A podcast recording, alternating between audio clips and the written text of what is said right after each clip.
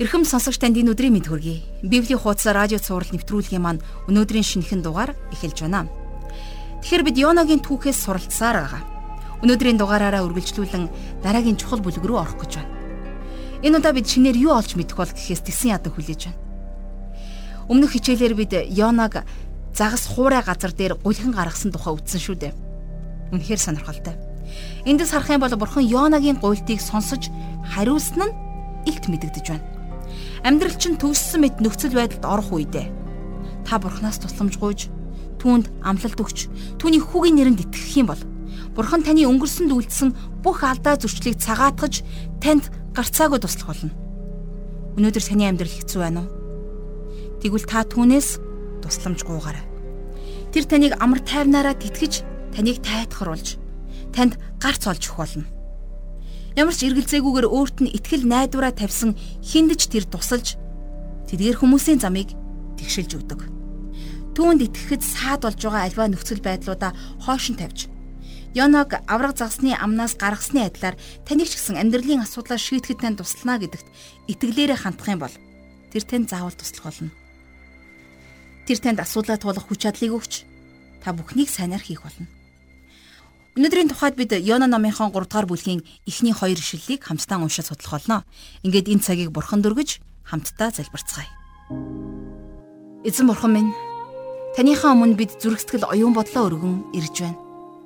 Өнөөдрийн хичээлээр дамжуулан бидний итгэлийг батжуулж оюун бодлыг минь сэргэн шинчилж өгөөч гэж гуйж байна. Таны үгийг сайн ойлгоход минь та туслаарай.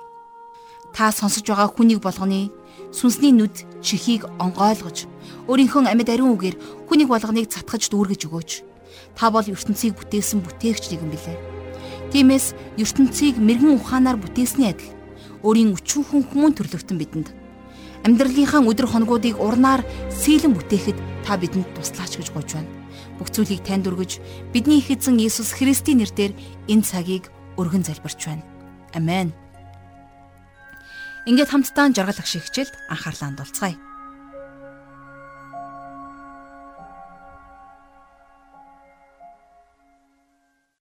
За Йона номын судлалтай бидэнтэй хамт байгаа сонсогч танд их баярлалаа. Өнгөрсөн хичээлээр бид Йона хэрхэн загасны гидснээс гарсан тухай үзээ зогссон байгаа. За ингээд Йонагийн зорих шин зүгчийг тодорхой болжээ. Тэрээр Нинивэ хот руу явах гэж байна. За өнөөдрийнхөө Йона номын 3 дугаар бүлгийг эхлэхээс өмнө би энд Лук номын 11 дугаар бүлгийн 30 дугаар ишлэлийг гიშ татмаар байна. Есүс хэлэхдээ учир нь Йона Нинивечүүдэд тэмдэг болсончлон хүний хүүч гисэн бас энэ үеийнхэнд тэмдэг болно гэж хэлсэн байна тийм ээ. За ингээд 3 дугаар бүлгийн 1 дугаар ишлэлийг гаргаад хамтдаа уншийе. Эзний үг Йонад 2 дахь удаага ирж гэж энэ бүлэг эхэлж байна. Эзний үг Йонад 2 дахь удаага ирсэн байна, тийм ээ.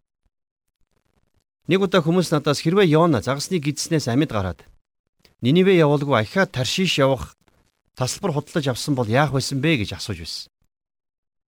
Миний өгсөн хариулт тэрнийг далаад дахиад нэг загас хүлээж байгаа даа гэж би хариулсан. Гэхдээ Йонагийн хувьд сурах ёстой зүйлээ сурсан болохоор ингэх шаардлага байгаагүй. Энэ удаа Йона жинкнээсээ Нинивэ хот руу явах гэж байна. Яг энэ түүх өнөөх эцгээсээ хамаг өв хөрөнгөө аваад тэнэж одсон төөрж тэнсэн хүүд ч гэсэн хамаатай. Гэртээ эргэж ирсэн тэнүүлчин хүү нэг жил өнгөрсний дараагаар ахаад эцгээсээ мөнгө гуйж хол явах гэж байна гэж бодъё л т. Таны бодлоор эцэг нь тэрэнд хөрөнгө өгөх болов? Миний бодлоор өгнө. А гэхдээ хүү өмнө нь байсан холын тэр орныг зорихгүй. Тэр мэдээж эргээд гахаан оромжинд амьдрахыг хүсэхгүй шүү дээ. Харин тэр аавын хүү учраас аавынхаа гэртэл амьдрна. Бурхны хүүхдүүд гим нүгэлд унж болно. А гэхдээ цаашид тэр гим нүгэл дотроо амьдрах ёсгүй. За ингээд Йонад Бурхны үг хоёр дахь удаага ирсэн байна, тийм ээ? Бидний эзэн бурхан болвол хоёр дахь боломжийг олгогч эзэн. Үнэхээр гайхалтай. Бурхан танд хоёр дахь боломж, за бүр илүүч боломжийг олгоно. Бурхан миний хувьд надад олон боломжийг олгож байсан. Энүүгээр дамжуулаад би Бурхан ямар гайхамшигтай төвчээртэй болохыг сурч авсан. Бурхан хэнийг ч яллагдан шийтгэгдээсэ гэж хүсдэггүй. Хэрвээ та Бурханы хүүхэд мөн л бол Бурхан танаас салахгүй зуурсаар байх болно. За ингээд Йона Бурханаас хоёр дахь удаага дуудлага хүлээн авсан. Өнөө үед бол ямар ч мундаг бизнесийн байгууллага хүнд хоёр дахь боломжийг тэр болгон олгоод байдаггүй маа. Би нэг банкны захирлыг танд юм л да. Тэгээд нэг удаа би тэр захирлаас танаа банкны салбарын нэг менежер бүх мөнгийг чи хулгайлаад гадагшаа зүхтлаа гэж бодъё. За тэгээ хэдэн жилийн дараа тэр хүн өөр дээр чинь ирээд уучлалт гуйж дахиж боломж олгон салбартаа ажилуулаач гэж гуйвал та яах вэ? Тэрнийг ажил эргүүлж авах уу гэж асуусан. Харин захирал яасан ч үгүй гэж Эрстис хариулсан. Харин бурхан биднэрт хоёр дахь боломжийг олгодог. Тэрээр уучлж нэгүүлсэхэд ямагт бэлэн байдаг. Йонад ингэж хоёр дахь боломжийг олгосон нь онцгой тохиолдол биш ээ. Бурхан Йонаг огтхонч бусдаас илүүд үзээгүй. Бид нар Эхлэл номын Яаковыг санаж байгаа тийм. Тэр маш олон удаа дахин дахин бүтлгүй үйлдэлүүдийг гаргадаг. Эцэстээ тэрээр бурхны нэрийг унгаж ичхүүртэй байдалд оруулдаг. Гэсэн ч бурхан тэрнийг хаяагүй. Яаков заллан мэхлэгч байсан. Бас их залтай, ухаантай хүн байсан. Яаков өөрийн нагад сах Лабанид амьдарч байхдаа хүртэл арга залиар амьдрах гэж оролддог. Харин Лабан өөрөөс нь хавьгүй ухаалаг хашир хүн байсан болохоор тэрнийг эргүүлээд чаддаг тийм ээ. Яаков сүулдэ тэр нутгаас тэднийхээс зугтаж явхаас өөр аргагүй байдалд орсон. Өөрийнхөө муугаас болж нагд сах төдийгүй төрсэн ахтайгаа зөрчилдөн тэднийг өөрийнхөө эсрэг болгосон байдаг шүү дээ. Яаков бурхны хүн болохоор цаашид энэ байдлаараа амьдрч болохгүй байсан. Бурханд үйлчлэхийг хүсч байсан ч байгаа байдал нь өрдөөсөө тэрэнд ийм боломжийг олгоогүй. Би хэрвээ бурхны оронд байсан бол аль хэдийн Яаковаас ангижирч өөр хин нэгнийг олж тавих байсан. А гэвч бурхан тэгээгүй. За ингээд цаашаага Яаковыг буцах замд нь Паниэл гэдэг газар бурхан тэрнтэй барилддаг тийм ээ. Санж байна уу? Заримдаа Яаковыг бурхантай ноцолдож барилдсан гэж нэрлэдэг. Гэхдээ тийм биш. Ард нь хадам эцэг нь мөшгөж, урд нь төрсөн ах нь тэрнийг отон тосож байгаа Тэд тэрний үхлийг хүсэж байхад Яаков өөр хин нэгэнтэй барилдаж ноцолдохыг хүснэ гэж юу? Харин бурхан л Яаковтай ноцолдсон. Тэгэхээр Яаков нэг зүйлийг сурах хэрэгтэй байсан юм а. Энэ барилдааны эцэс түнхээ мултлуулсан Яаков ялахгүй гэдгээ мэдээд өөрийн өрөөхөөс нааш явуулахгүй гэж бурханд хэлсэн. За харин тэр шөнөөс эхлээд Яаков огт өөр хүн болдог тийм ээ. За тэгээд хожим нь Египтэд өөрийн хүү Йосефийн хөвгүүд болох ач нартайгаа уулзах үед Яаковын өөрчлөгдсөнийг бид нар харж болно. Ямар ч өвөг эцэг үр ач нартаа сайнаар дурсагдахыг хүсдэг шүү дээ. Хэдийгээр Яаков залуу байхдаа ухаантай, арга залтай хүн байсан ч гэсэн төрсөн ах Исав мөн хадам эцгээ яаж чадсан тухайга сайрхаж яриаггүй. Харин Эхлэл номны 48 дугаар бүлгийн 16 дугаар ишлэгийг харах юм бол намайг илдэв гай зовлонгоос золсон Тэнгэр илч энэ хүүхдүүдийг өрөөж тэд миний нэрээр болон миний өвөг эцэг Авраам бас төрсөн эцэг Исааки маань нэрээр дуудуулж газар дэлхий дээр өнөр өтгөн болох болтугай гэж юрөөсөн байдаг. Яаков үнэхээр өөрчлөгдсөн байгаа биз? Яаков маш даруй болж Бурхны дотор амралтыг олсон тис өөр хүн болсон байна. За тэгвэл Давидаас жишээ авъя. Нэг настай ир ихэд тухургсан өнгөр. Бурхан яагаад Давидыг өөрийнх нь зөргсдглийн араас дагагч гэж хэлсэн болоо гэж асуусан. Давид хүн алсан. Дээрээс нь завхаарсан. Тэр бүхнээсээ болоод Бурханы зөргсдгэлтэй адил гэж та хэлэх гээд байгаа мó гэж асуухад өнөөх багш Ер нь бол тэгжил харагдаж байна гэж хариулсан. Давид муу муухай гим хийсэн нь үнэн. Бурхан эннийхэн төлөө тэрнийг шийтгсэн. Давидын том хүү болох Абсалом нь алагдахад Давид эмгэнэн гашуудсан. Яагад үгэвэл Абсалом нь хаан ширээг нь залгамжлах түүний угсаа байсан. Харамсалтай нь Абсалом эцгээсээ орвдог. Эцэг Давидынхаа эсрэг хувилдаан зохиож байгаад амиа алддаг тийм ээ.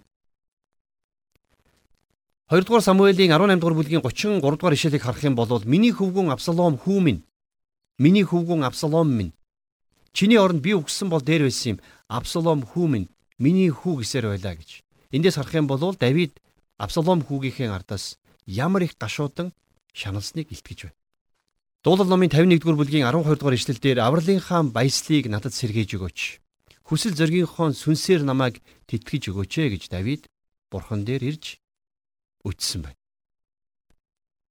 Би надаас тэр асуултыг асуусан хүнд Бурхан Давидыг өөртөө нь харилцдаг дотн харилцаанаас болж өөрийнх нь зөрсдөглийн араас явдаг гэж хэлсэн. Яагад гэвэл Бурхан Давид шиг нөхрийг аварсан юм чинь. Таныг ч бас аврах чадaltaй. Бурханыг ийм зан чанартайд нь та баярлах ёстой. Тэгэхээр өнөөх асуултыг асуусан хүнд би хандаж ингэж хэлсэн юм.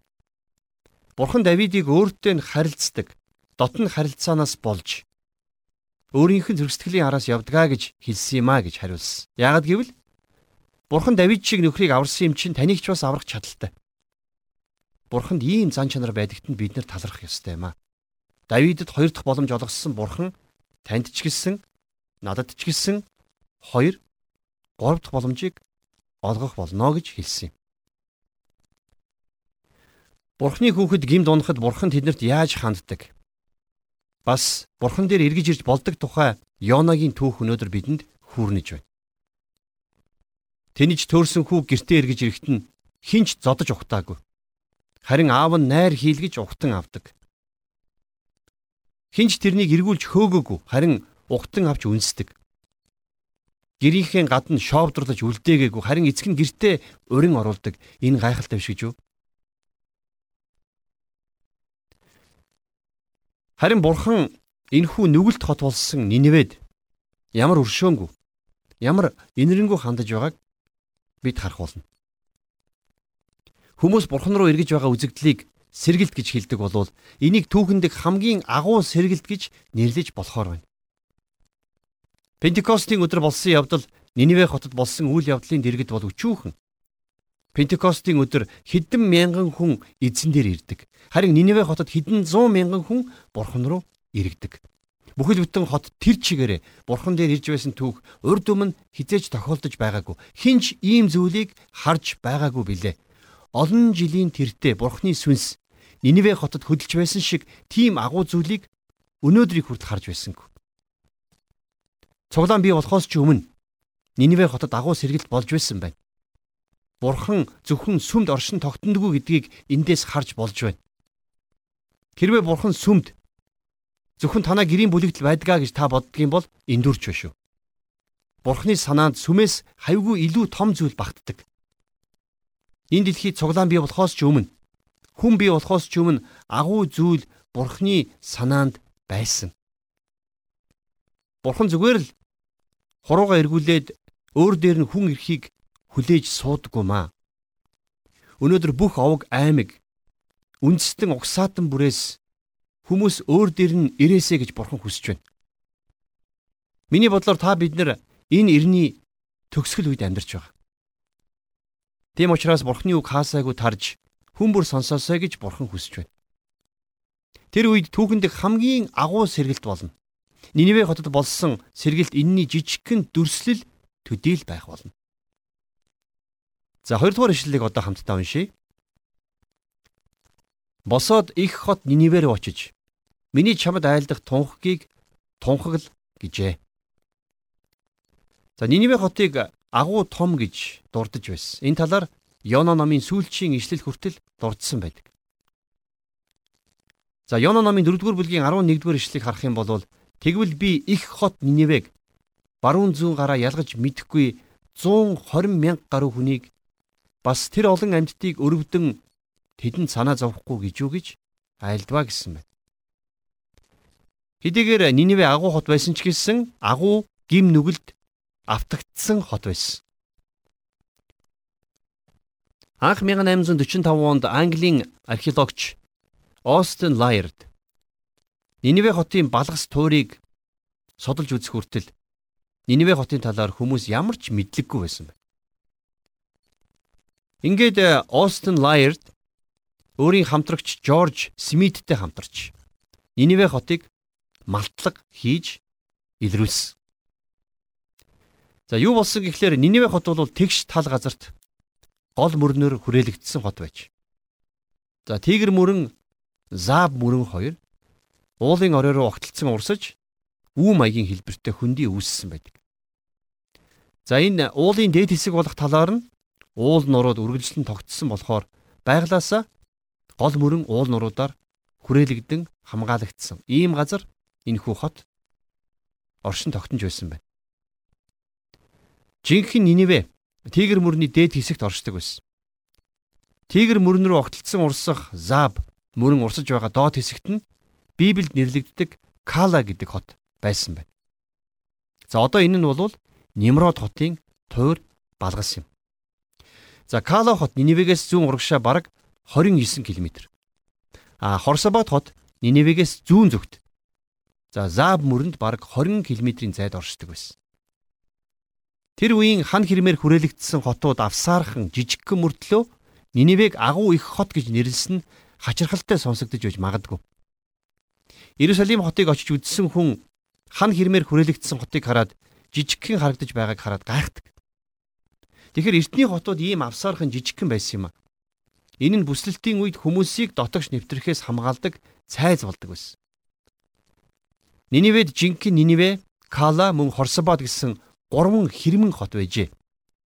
Ниневе нийслэл хотоор нэрлэгдэж энэ хавийн газар тэр чигээрээ Ниневе гэдэг нэрээрээ танигдсан байсан. Маш их үржил шимтэй энхүү хүндийд бүслэлтийн үед хүн ам олноороо ирж сууршдаг байсан. Тэгэхээр Ниневе хотын сүрсэн нэг шалтгаан юу байсан гэхлээр тэд нар гадны халдлагаас биш харин үерийн улмаас бэхлэлтнийх нь хан нурсан учраас энэ хот сүрсэн гэж археологч түүхчид үздэг. Эхлэл номын 10 дугаар бүлгийн 11-ээс 12 дугаар ишлэгийг харах юм бол тэрээр тэр нутгаас Ассирт хурч очоод Ниниве, Рихобот, Кала мөн Ниниве Кала хоёрын хоорондох Рисен химэх их хотыг байгуулжээ гэж бичсэн байна. Тэгэхээр Библиэд хотын агуу байдлыг онцлсон нь их сонирн байдгийн. Тэр хавийн газар тэр чигээрээ нийслэл хотоороо нэрлэгддэг байсан байна, тийм ээ? За Ниниве бол хэмжээнийхээ хувьд за нүгэлт явдлаараач гисэн агуу хот гэж нэрлэгддэг байсан байна.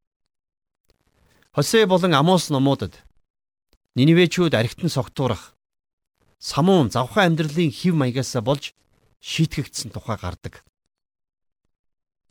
Ниневе хотынхан онгод сахиус дахин шүтэх мөн дайсандаа ханддаг харгас хэрцгий үйлдэлүүд нь амнаас гаргаж хэлэхэд ч аимшигтай муухай байсан болохоор Ниневе хот тэр чигээрээ бузар булаа ёс суртахуунгүй байдалд автсан байсан. Өөрөөр хэлэх юм бол Ниневе хот. Тэр чигээрээ. Арх дарс. Завхай зайдан амьдрал. Ёс зүйгүй бузар зугаа цэнгэл завхралын үүр уурхай болсон байсан юм а. За ийм л аимшигын аимшигтай газар Йона очиж үйлчлэхээр бурхнаар дуудагдж томилогдсон байсан байна гэдгийг л ойлгох хэрэгтэй юм шүү.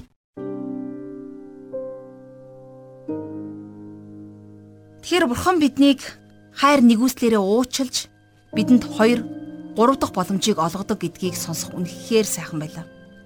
Хэрвээ тэр бидэнд боломжуудыг өгдөггүй байсан бол өнөөдөр та бид үдий зэрэгт хурж энэ дээрээ цууж байхгүй л байх байсан. Зовлон шаналнгийн өдөр намайг дууд. Би чамайг аврах бөгөөд чи намайг хүндтгэнэ. Яг ингэж Давид хаан дуулал номын 50 дугаар бүлгийн 15 дугаар ишлэлд хэлсэн үнэхээр гайхамшигтай. Эзэн бурхан руугаа хандхад тэр аварч туслаа зогсохгүй. Дахин ураг шавах боломж хүчийг бидэнд өгдөг гэдэг нь юутай сайхан бэ? Тэр бидэнд хизээж хүндэтсэн ачааг өгдөггүй. Аав хүн хүүхдээ хайрладаг шиг тэр бидний ачааг хөнгөлж бидний амьдралын асуудлыг эергээр шийдэхэд тусалдаг. Тийм л бурхан.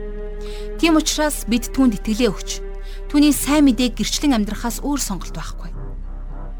Түүний хүүгийн загалмай дээрх хайр загалмай дээрх зориулалт золиосоос болж бидний бүх гим уучлагдсан. Иесусийн хайрын улмаас бид Бурхан эцгийнхээ нүрийг харах эрхтэй болсон үнэхээр талархууштай гайхамшигтай зүйл. Хамтдаа хичээлийн төгсгөлд бидэнд өгөгддөг түүний хайр инрэл боломж завшааны төлөө талархал өргөж залбирцгаая. Баярлалаа Бурхан минь. Бидэнд өгөгдсөн, бидэнд бас хараахан өгөгдөөгүй байгаа тэр бүх зүйлийн төлөө бид танд тоочин талархал магтаалыг өргөн залбирч байна. Тэмээ эзэн минь Бид юун төрөн таны мөн чанарын төлөө талархал магтаалыг өргөж байна. Тэмээ эзэн та бол уурлахтаа удаан хайр инэрлэр өршөөл нэгүслэр дүүрэн баян нэгэн билээ. Тань шиг ийм зан чанартай нэгэн хаач байхгүй. Өдөр тутмын маань амьдралд олгодог 2 3 4 түүнээс ч илүү олон боломжийн төлөө талархал магтаалыг өргөж байна. Таны өгсөн боломж нэг болгоныг ашиглаж, өөрийгөө өөрчилж, бусдад таны гайхамшигтай хайрыг тунхаглахад минь та туслаарай. Та биднийг мэдлэгжүүлж, чадваржуулж, эзэн та тамиржуулан тэнхээжүүлж, өөрийнхөө хаанчлалын үйл хэрэгт бидний амь амьдралыг ашиглаж өгөөрэй. Танд бүх алдар магтаалыг өргөж байна. Учир нь та бол магтагдах цохистой цорын ганц эзэн бурхан билээ. Халелуя. Бүх зүйлийг танд өргөж, эх өдрүүдэд танд даатгаж, бидний оюун ухаан, бидний амь амьдрал, бидний сонголт шийдвэр, бидний ажил үйлчлэлээр дамжуулан мөнхийн эзэн минь та алдарш болтугай гэж танд бүх зүйлээ өргөж эзэн Есүсийн нэрээр залбирanгуйж байна. Амен.